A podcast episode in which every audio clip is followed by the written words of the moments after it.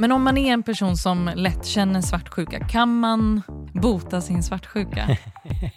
jo, det, det låter lite som en, sjuk, en sjukdom. Jag, jag tänker inte det att det är så. Det heter ju svartsjuka. Ja, jag fattar. Jag fattar det är verkligen. Sex om sex i podden RFSU gör till dig som finns i häkte, på anstalt eller i frivård. Sen 2014 besöker vi olika häkten och anstalter runt om i landet och pratar om sex och relationer. I sex avsnitt ska vi nu gå in på några av de ämnena vi brukar prata om under våra besök och svara på en hel del av frågorna vi brukar få. Jag heter Ellen. Och jag heter Tanvir. Och idag ska vi prata om svartsjuka och känslor man kan känna när man har en relation. Till exempel om man är i en situation där man inte kan träffa den man är tillsammans med. Vi kommer höra från en man som heter Jakob som hade ett förhållande när han satt på anstalt. Sen ska vi prata med Carlos Guevara som är familjerådgivare. Och han jobbar med parterapi, så han är expert på relationer. Ja, och det ska bli jättekul att prata med honom. En grej som folk brukar reagera på när vi pratar om sex, det är att vi använder ord som kuk och fitta. Och det används ju också som svordomar, men det är också ord som beskriver våra könsorgan. Så vi vill ju kunna säga vad vi menar på ett enkelt sätt. Och ibland funkar de orden och ibland funkar det kanske bättre med ord som penis och vagina. Det beror på vad vi snackar om. Så i podden så kommer vi använda ord som kanske känns provocerande. Och det kanske är så för att det handlar om just sex. Men det viktiga är ju att alla använder ord som de tycker funkar. Jag var ute på permission och, och då fick jag ett samtal och det var ju angående ett rykte. Det här är Jakob. Han var 23 år gammal och satt på anstalt med ett straff på två år. Samtidigt som han satt inne hade han en tjej på utsidan. Han hade skött sig bra på anstalten och fick igenom att han skulle få ha fotboja under permissionen. Men sen när han var på permission och någon ringde honom med ett rykte om hans tjej, då satte svartsjukan igång. Men när jag fick höra det här så kunde jag inte hantera det. Jag konfronterade min partner och sånt här. Och, och jag drog från stället jag var.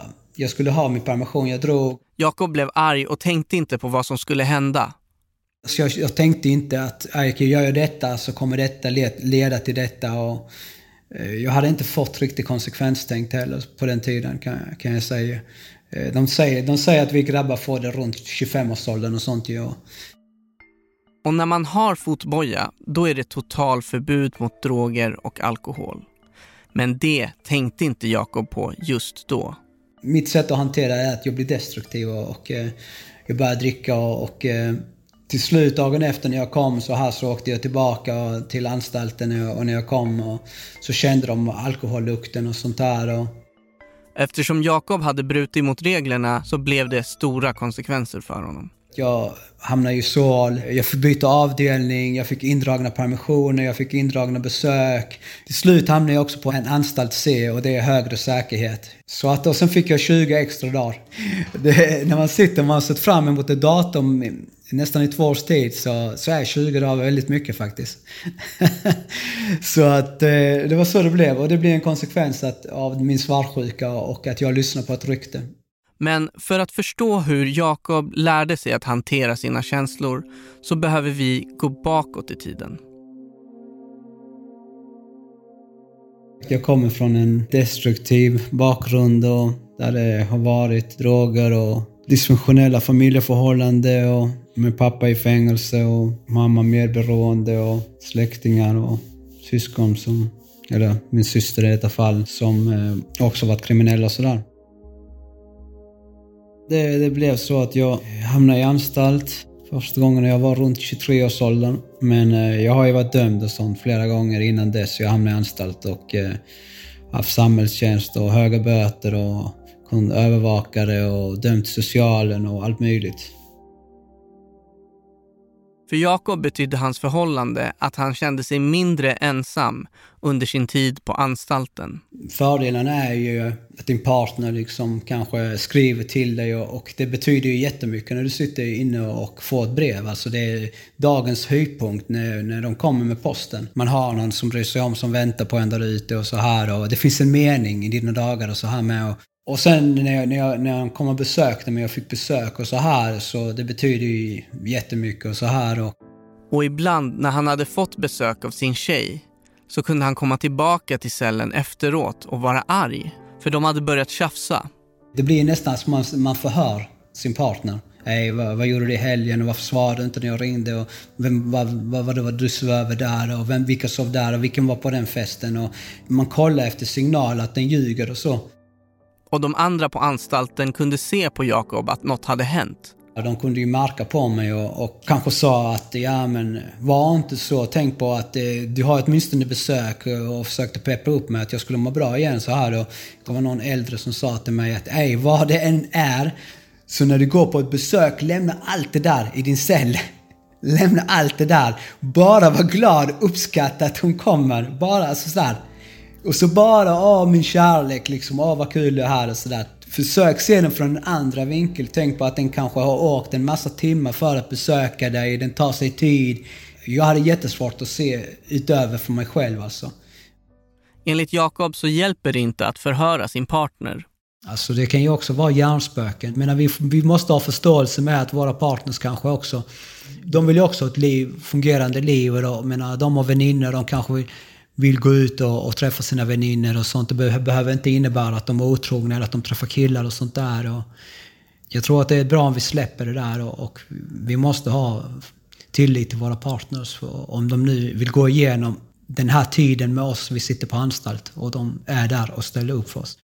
Samtidigt tyckte Jakob att det inte var så enkelt att prata om de här känslorna med personalen på anstalten. För det gör att det ser ut som att du är svag, när det egentligen är viktigt att kunna vara sårbar.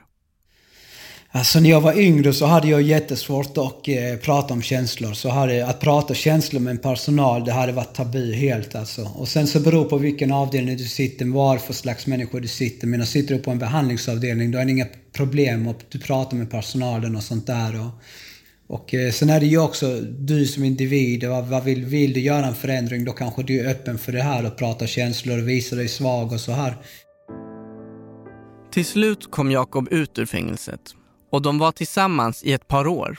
Men svartsjukan kom alltid tillbaka. Det här kommer ju alltid upp det här, äh, men du när jag satt inne, visst gjorde du det här och så här. Och eh, till slut så funkar det inte ju. Så att vi, vi, vi gick skilda vägar och så. Och när Jakob var 34 var han ihop med en annan tjej och hade precis blivit dömd till fem års fängelse.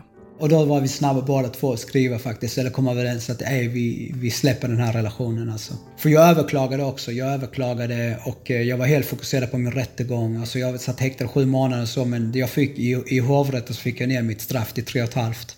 När jag väl satt inne den här gången så kände jag det att jag var mer fokuserad, jag var mer där där inne liksom. Jag behövde inte vara där ute. Nu är jag här i anstalten och det, det är här jag ska vara liksom. Och jag, jag skiter vad, vad som pågår där ute faktiskt. Och det, absolut så tror jag också det har att göra med att jag var äldre och så med och jag hade en annan sorts konsekvenstänk och så. Men jag, jag hade också gjort ett val i, när jag hamnade i häkten den här gången jag satt i arresten och så, så, så kände jag att, jag att jag var klar med det här livet och, och jag ville göra annorlunda och jag ville göra, liksom, förändra mitt liv.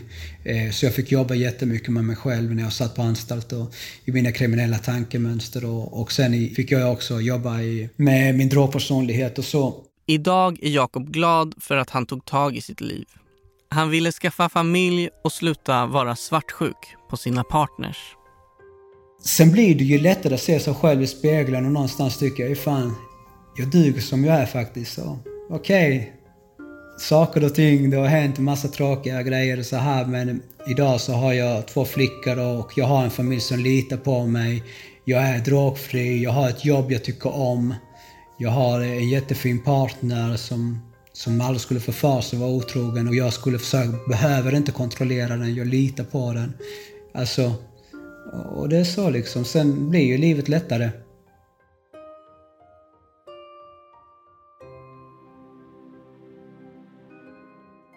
Hej och välkommen till Sex om sex, Carlos. Tack. Fint att ha dig här.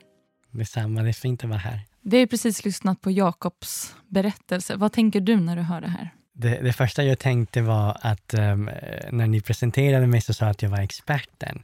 Och jag tänkte att, att den här killen har verkligen koll på vad svartsjuka är. Hur han beskriver all sin komplexitet, både utifrån vad man känner, hur det börjar, hur andra reagerar på det och sen hans beteende, hur, hur jobbigt det blir. Så jag, jag, jag, ble, jag blev väldigt imponerad över den här berättelsen. Känner du igen någonting eh, i hans berättelse utifrån dina erfarenheter av att jobba som familjerådgivare och psykoterapeut? Jättemycket, jättemycket. Eh, kanske framförallt det här man blir, man beter sig ganska det, jobbigt mot sin partner, så partner tar avstånd och har svårt att komma nära. Han, han beskriver andra gången han, kom in, han, han, han hamnade i fängelse. Han avslutade en relation för att det var för jobbigt. Men kan inte du berätta mer om vad du jobbar med och vilka det är du möter? Ja, eh, jag jobbar som familjerådgivare framför allt. Eh, så jag jobbar mest med par, parrelationer. Egentligen alla som, som lever i, i kärleksrelationer, så par kan se lite olika ut. De flesta kommer för relation, relationella problem eller sexuella problem. Alltså det är parterapi? det är parterapi mm. kan man säga. Just det.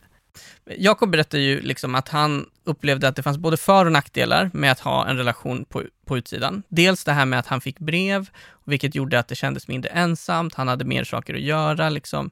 Och det var liksom en fördel med att ha en relation. Och en av nackdelarna som han nämnde och som du också har varit inne på var just det här att han väldigt lätt blev svartsjuk eh, och hade väldigt mycket hjärnspöken.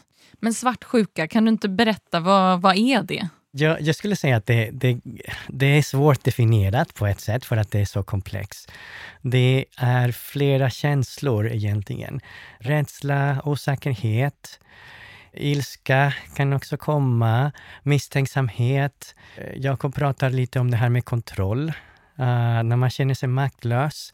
Så det, jag skulle säga att det är många känslor som, som kan blandas in i det där. Uh, det är egentligen, man känner en, ett hot mot, mot någon annan relation från en tredje part. Om man skulle, uh, nu säger jag emot mig, man defini jag definierar lite på det sättet.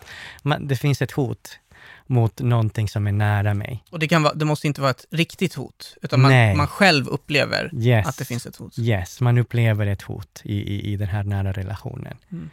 Uh, eller ett hot mot den, här, den uppmärksamheten eller, eller så. Mm, men, mm. Kan du förklara, varför känner vi svartsjuka? Alltså varför finns den känslan överhuvudtaget? Ja, man kan tänka att det är väldigt negativt kanske. Uh, jag, jag, skulle också säga, jag menar, att känna det är, behöver verkligen inte vara negativt. Det kan vara en signal. Jag menar, de flesta av våra känslor är en signal att det är någonting som saknas, att det är någonting jag behöver. Så det kan vara en signal att, det, att jag behöver ta hand om mig på ett sätt som jag kanske inte gör. Eller att det finns någonting i relationen jag behöver prata om. Det är funktionellt på ett sätt, att känna det. Sen en annan sak att vad man gör med det och mm. hur man uttrycker det till andra och så. Många menar ju att svartsjuka liksom är ett tecken eller ett bevis på, på kärlek. Ja. Ja, vad, vad säger du om det? Ja, men jag, jag tänker att det, ja, det, beror, det beror på sammanhanget. Jag, jag tänker att det kan vara så smickrande att någon, någon säger till mig, jag, jag hämtar dig efter jobbet. Ja, och det kan vara lite svartsjuka i det, att, att inte ingen annan kör dig. Eller att, men, men det kan också vara lite, lite ah, du tänker på mig, du vill vara med mig. Så jag kan, jag kan tänka mig att det kan blandas lite med, med det här med kärlek. Det, det betyder att du bryr mig. Men, men när det börjar kännas kontrollerande, när det börjar kännas som att det, allt, det är det här jag tänker på bara, då, då ah, jag vet inte hur mycket kärlek har att göra med det, utan det är något annat som kanske, som kanske behövs.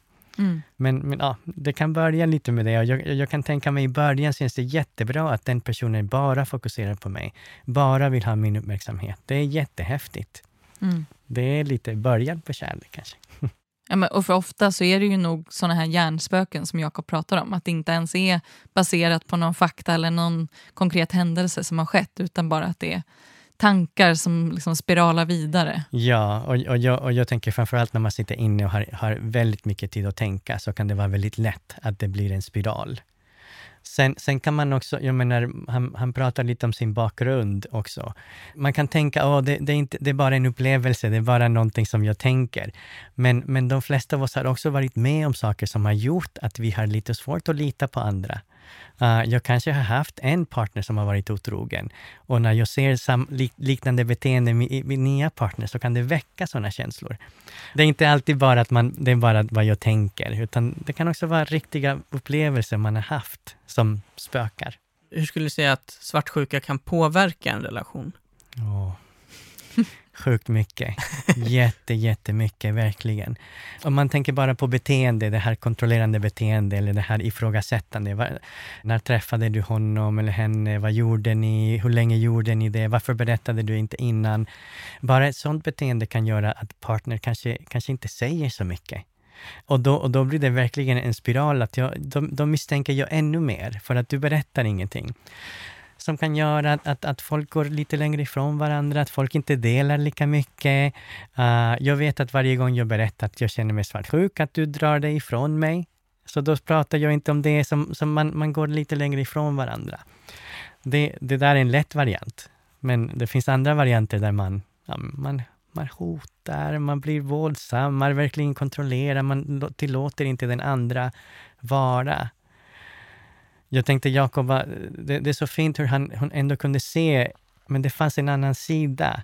Min partner kanske, kanske vill bara prata med andra, umgås med andra, har sitt eget liv där ute och det är okej. Okay. Så när jag kontrollerar det också gör någonting med den här personen. De får inte det. Ja. Kan man så. säga nästan att genom att uttrycka liksom kontroll och makt gentemot sin partner, att det får den att skapa mer distans. Alltså att den, alltså mm nästan så att jag vill inte använda ordet förstör, men alltså att mm. man, man kanske försvårar eller för, ja. försämrar relationen till och med. Om, man, eh, om konsekvenserna av ens känslor och svartsjuka, om man inte får prata om det eh, ordentligt, att, att man utövar eh, makt och kontroll, att det kan göra att ens partner känner så här, okej, okay, jag backar, backar, backar, backar. Eh. Jo, jag tror att det, det är en, en reaktion. Mm. Uh, sen, sen kan det finnas olika reaktioner och kanske som, som du var lite inne på i, eller i början, att, att det kan kännas som kärlek eller kännas, kännas jättesmickrande. Men jag tror att de flesta vill inte bli kontrollerad och tycker att det är jobbigt. Och vad gör man när man känner sig kontrollerad? Man kan också reagera med ilska tillbaka. Men mm. vad fan, jag sitter här ute och, och, och, tror du att jag har det så bra? Jag behöver ta hand om allt det här. Jag saknar det också. Jag tycker att det här är skitjobbigt. Ja, det kan också komma en sån reaktion när man känner sig kontrollerad. Så det, det kan vara lite olika reaktioner, men att det försämrar mm. vår interaktion och vår relation, det, det tror jag, det ser jag när, när, när folk kommer till mig och, och har den här uh, beteende inte, inte så mycket att man känner det, utan det, det beteende, att kontrollera. Att, att, mm.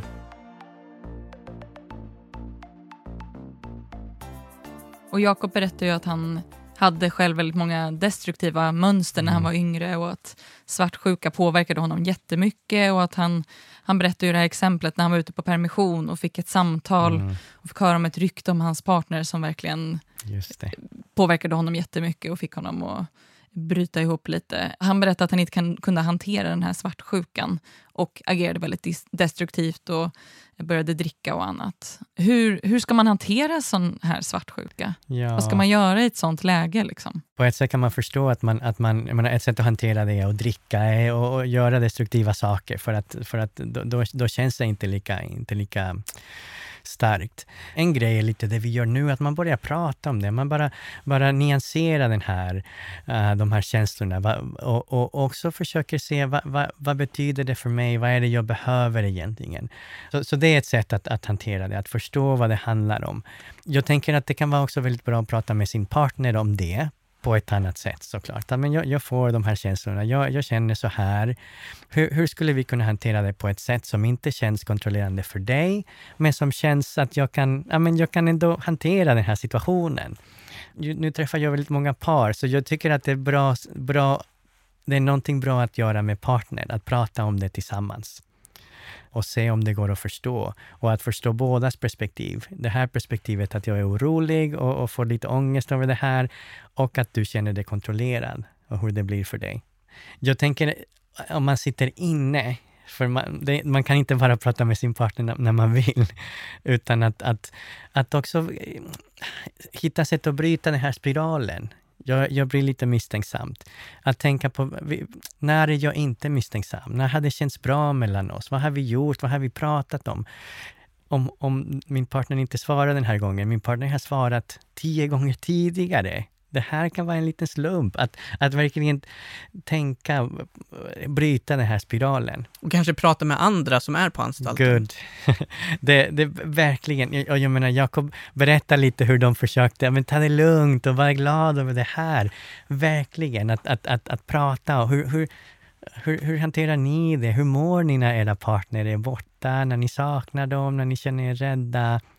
Jätteviktigt. Om man känner till exempel att man är orolig över vad ens partner gör och att det är en svartsjuka som kommer gå över till så beteenden av liksom kontrollera eller att, eh, det, att man vill använda våld eller liksom just den, att den här ilskan tar sig uttryck på, på ett sätt som man tänker att det här är inte egentligen jag, alltså jag vill inte jag vill inte vara sån här egentligen. Alltså vad, vad gör man då? Man söker hjälp. För vi har pratat om, om svartsjuka idag lite som, som en känsla, en vanlig känsla, och det är det. Men det kan verkligen gå överstyrt. Jag, jag, tänker till exempel i parrelationer, när, när en partner lämnar relationen kan det vara den mest våldsamma stunden i relationen. Uh, för att det är så mycket svartsjuka. Så det, man ska verkligen söka hjälp. Om man är inne så ska man prata med, med någon som jobbar där och, och, och be om hjälp, be om en kontakt. Till om, en psykolog? Till en psykolog, mm. till en samtalsterapeut. Jag, kan, jag skulle också kunna säga att om min partner känner att det här går överstyr, då borde jag söka hjälp. Så det behöver inte bara vara att jag, att jag, tyck, jag känner att jag går... Om, man, om man, min partner är rädd för mig, om min partner... Eh, då, då skulle jag verkligen säga sök hjälp. Ja. Och det är inget fel med det? Nej, det är bra. För att det kan verkligen gå överstyr. Nej, men Jakob säger att det är svårt att prata med personalen lite grann, liksom, för att det känns tabu. Det är liksom, alltså det är också lite så att prata om känslor kan kännas som att man visar sig svag och, och sådär. Men eh, han fick ju bra råd från de som är lite äldre. Alltså vem kan man prata med om, om, om de här känslorna, tycker du? Liksom, vad, vem kan stötta en person som Jakob som sitter på anstalt och känner svåra eh, oroskänslor. Man kan be personalen om hjälp och med hjälpen gör att, att de hjälper mig med, med en kontakt, eh, samtalskontakt. Det kan vara lite svårt när man sitter inne, men, men, men det, eh, alla har rätt att, att alla kommuner har familjerådgivning. Så, så när, man, när man kommer ut kan man söka sig, om man har permission kan man försöka, med hjälp av personalen såklart, försöka hitta en tid så man kan gå dit med sin partner. Ja, och lite som Jakob säger, också passa på när någon tar upp det. Någon äldre tar upp att, ja, men tänk på det här. Vadå tänk på det här? Hur gör du? Ja, att, att, att prata om det. Jag skulle säga alla, men det kanske låter för mycket, men de flesta har haft den här känslan. Mm. Och kan prata om det och kan tänka kring det.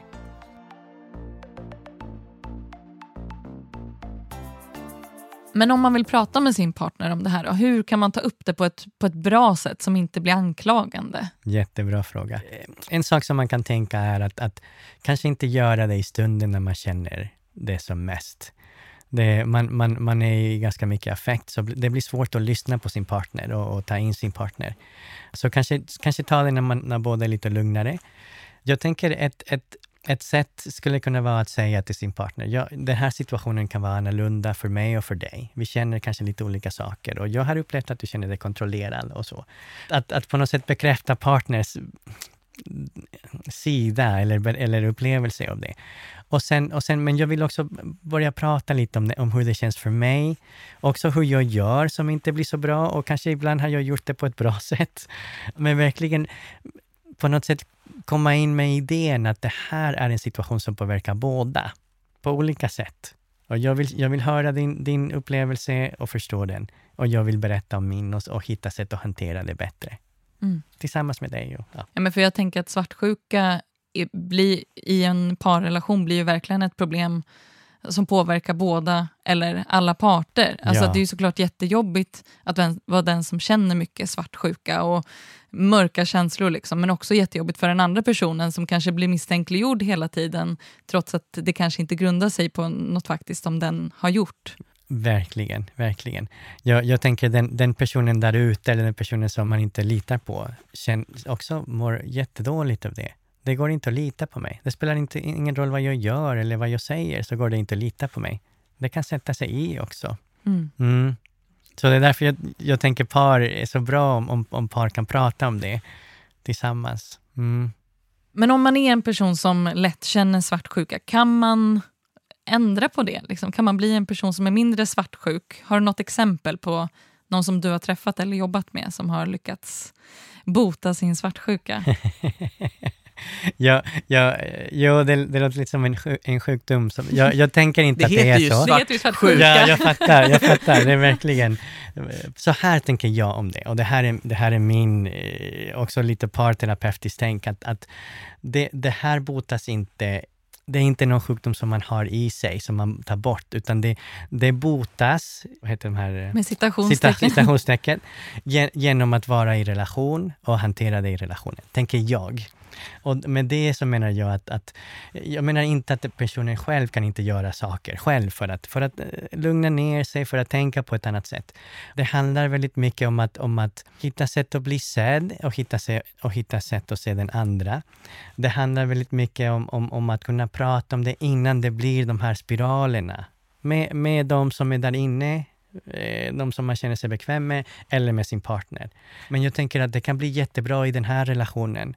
Men sen träffar jag någon annan och det blir lika dåligt för att det finns någonting där som kanske inte, inte funkar så bra.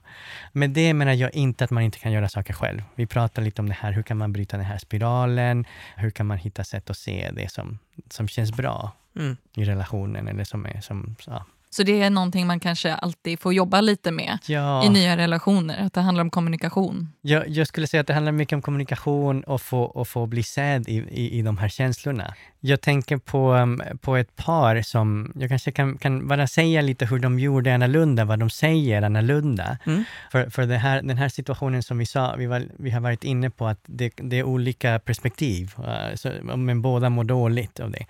Och, och, i det här fallet så, så var det, det, det, var två personer som, som var ihop, som, som hade väldigt mycket problem med det. Eh, det blev till och med våldsamt ibland mellan dem. Så här sa de till varandra, ungefär jag vet att, att vi kommer att reagera när vi pratar om det här, men jag känner någonting som jag vill dela med dig. När kan vi göra det? När är du, när är du lugn för att prata om det här? Och jag vill höra både vad du tänker, hur det är för dig och jag vill berätta hur det är för mig. Och jag vill också hitta något gemensamt att göra kring det. Mm. Och den här situationen, en av dem skulle gå ut med sina kompisar och den andra börjar bli jätte, jätteorolig och jätterädd över det här. Och de, och de, de pratade om det. Mm. Och det blev, lite, det blev ändå lite jobbigt såklart, men det blev mycket lugnare. Efter det? Efter det. Mm. Och i den här situationen som, som, som skulle bli, att, att den skulle gå ut. Så istället för att agera i affekt som kanske hade varit det naturliga tidigare, så var det mer att planera in ett samtal för när vi ska ja. kunna hantera det här tillsammans. Ja. Mm. Och det blev bättre för dem efter det, eller? de, de behövde jobba med det ofta och prata om det mycket, men det blev bättre. Och det blir bättre.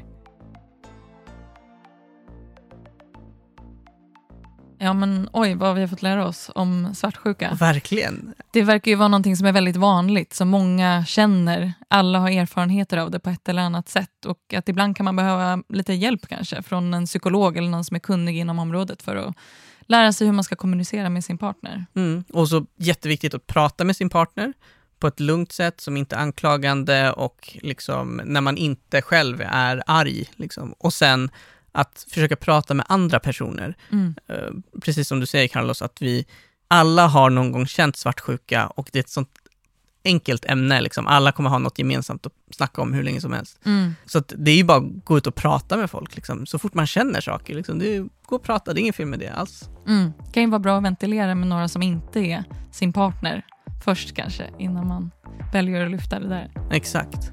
Stort tack Carlos för att du kom hit idag. Det var superintressant att prata svartsjuka och relationer med dig. Tack för att jag fick vara här.